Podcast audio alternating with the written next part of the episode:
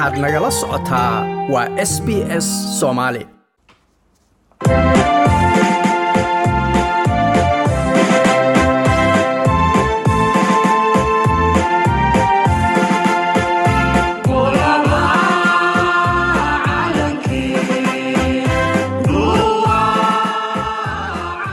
xaflad lagu soo dhoweynayey dowladda cusub ee soomaaliya ayaa lagu qabtay magaalada malban ee gobolkan victoriya habeenkii jimcaha ee kowdii bishan luuliyo.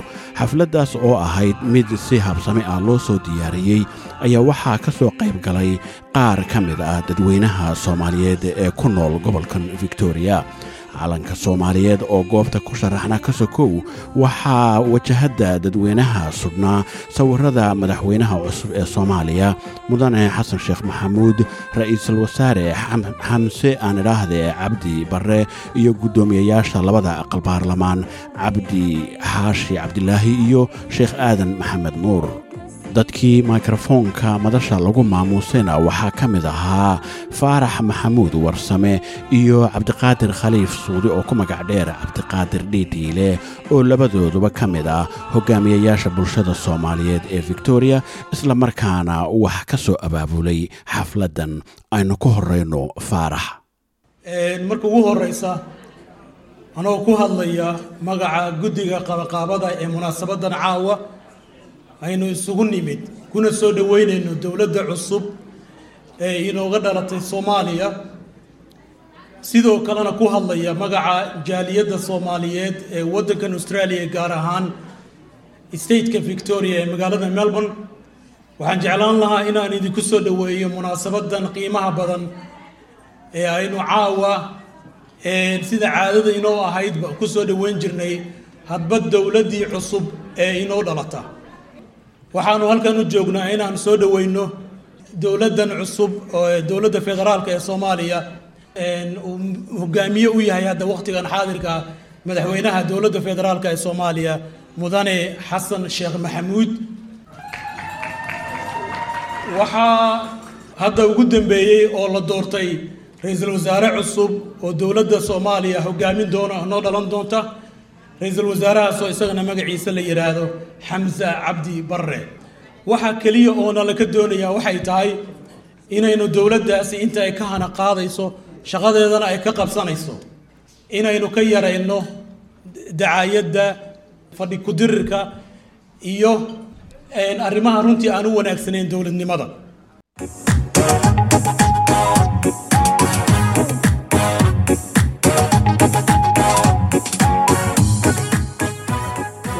hambalyo ballaaran u dirayaa dhammaan madaxda la doortay madaxweynaha gudoomiyaha baarlamaanka gudoomiyaha aqalka sare ee ra'iisul wasaaraha. Hambalyo ayaan leeyahay. Labada guddoomiye iyo madaxweyne xasan waxaan ugu baaqayaa waa dad khibrad leh waa dad horey u soo shaqeeyey. Dad cusub ma ahan. Waxaa la rabaa hanka soomaaliya u qabto maanta inay ka mira dhaliyaan ayaa laga rabaa waxaa laga doonayaa ma ahan ammaan inaan maanta dhammaan ugu jirno. Waa laga fiican yahay waxaa fiican in baaqa aan diraynaa in aan taladeenna ku darno. Waxaa laga rabaa in ay ka faa'iidaystaan qaladka iyagu ay galeen.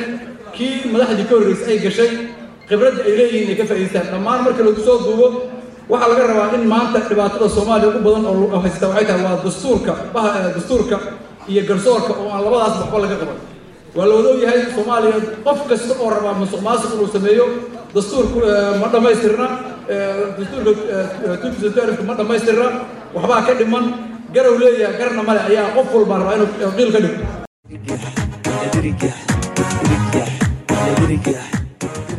haddaba intii ay socdeen cayaaraha dhaqanka ee goobta lagu soo bandhigay oo aan dhallinyaro iyo waayeelba loo kala hadhin ayaan dhowr su'aalood oo ku saabsan soo dhoweynta dowladda cusub ee soomaaliyeed weydiiyey. Xubno ay ugu horrayso xaliimo sheekh maxamuud oo loo yaqaano xaliimo kaaraan. Xafladdan waxaan u arkaa inay tahay xaflad aad iyo aad loo soo agaasimay u qurux badan u qiimo badan fikraddeeduna ay tahay soomaaliya. In dadka soomaalida ahoo magaaladan melbourne jooga ay ugu hambaliyeeyaan madaxdeenna cusub oo la soo doortay. Runtii qarannimada soomaaliya waa wax nagu weyn. Qarannimaduna waa wax aad u qiimo badan. Waxaan codsanayaa in dowladda si wanaagsan loola shaqeeyo. Marka waxaan rabnaa annaga dowlad shaqaysa oo jirta oo berrito kan kaleeto oo yimaada saasoo kaleeto loo isbeddesha oo loola shaqeeyo. Marka waxaan codsanayaa dadweynaha inaan la dhex yaacin cakiraadda jirta way dhammaanaysaa. Bilo shiddo ma badna. Bilo shiddo waa dhammaadaaniin khayrkuna waa waa uu joogaa. Tafaa'ulu bilkhayr tajiduuh baa la yidhi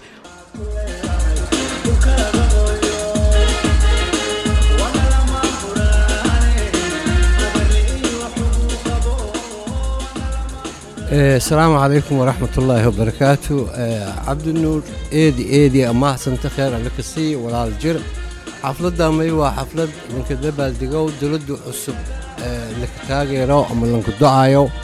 Arrin muhiim ee waay marka marka inii dowlad kasta koyto inii lan ducaayo in umudaan macalin dhibaatada ka jirta in ilaahay ka biyi nagata umud barwaaqi bashbashku noolata waddanka kigan waddan eedan hormarsanwa waddan macnaha barwaaqi ew webi leyi badan leyi macdana leyi beeri leyi xooli leyi in ilaahay dhibaatadan ka saara dowladdana haddii doorwiinka qaadata may aaminsanaa in dhibaatadan una haysato ininka baha doona iyo aaminsana.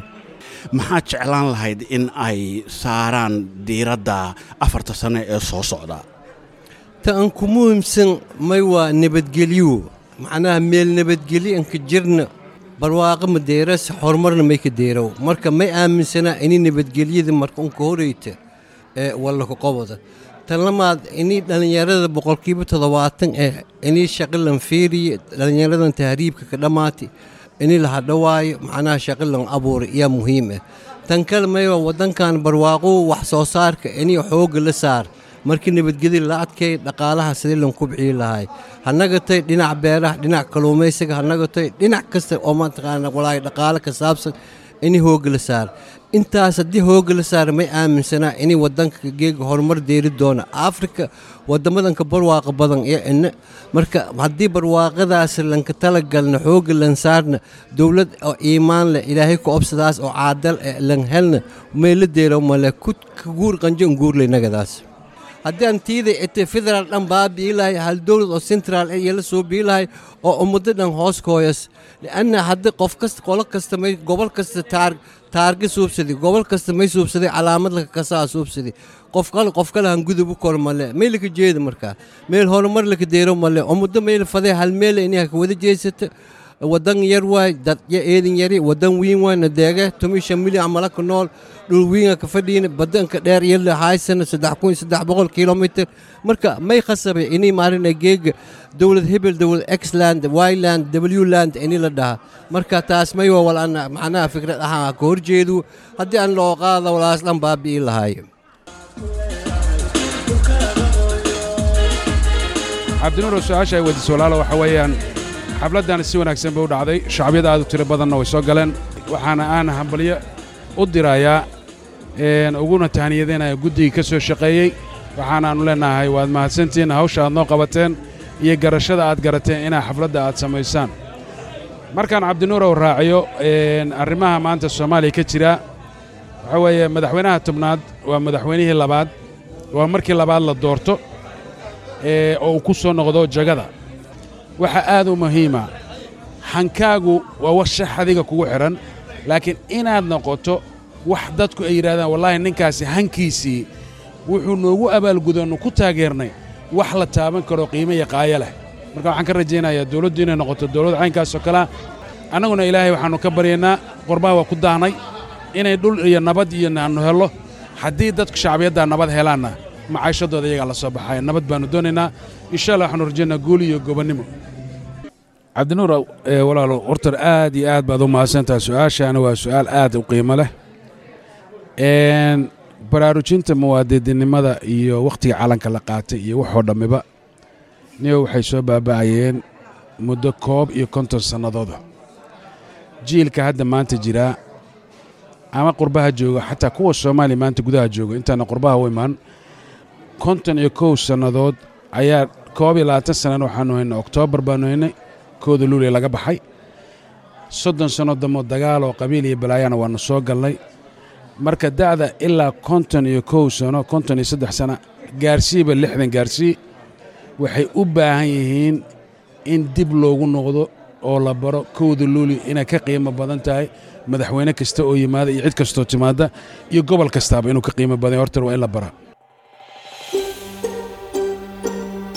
ma doonaysaa sheekooyinkan oo kale ka dhegayso apple podcast google podcast spotify ama meel kasta oo aad podcastigaaga ka hesho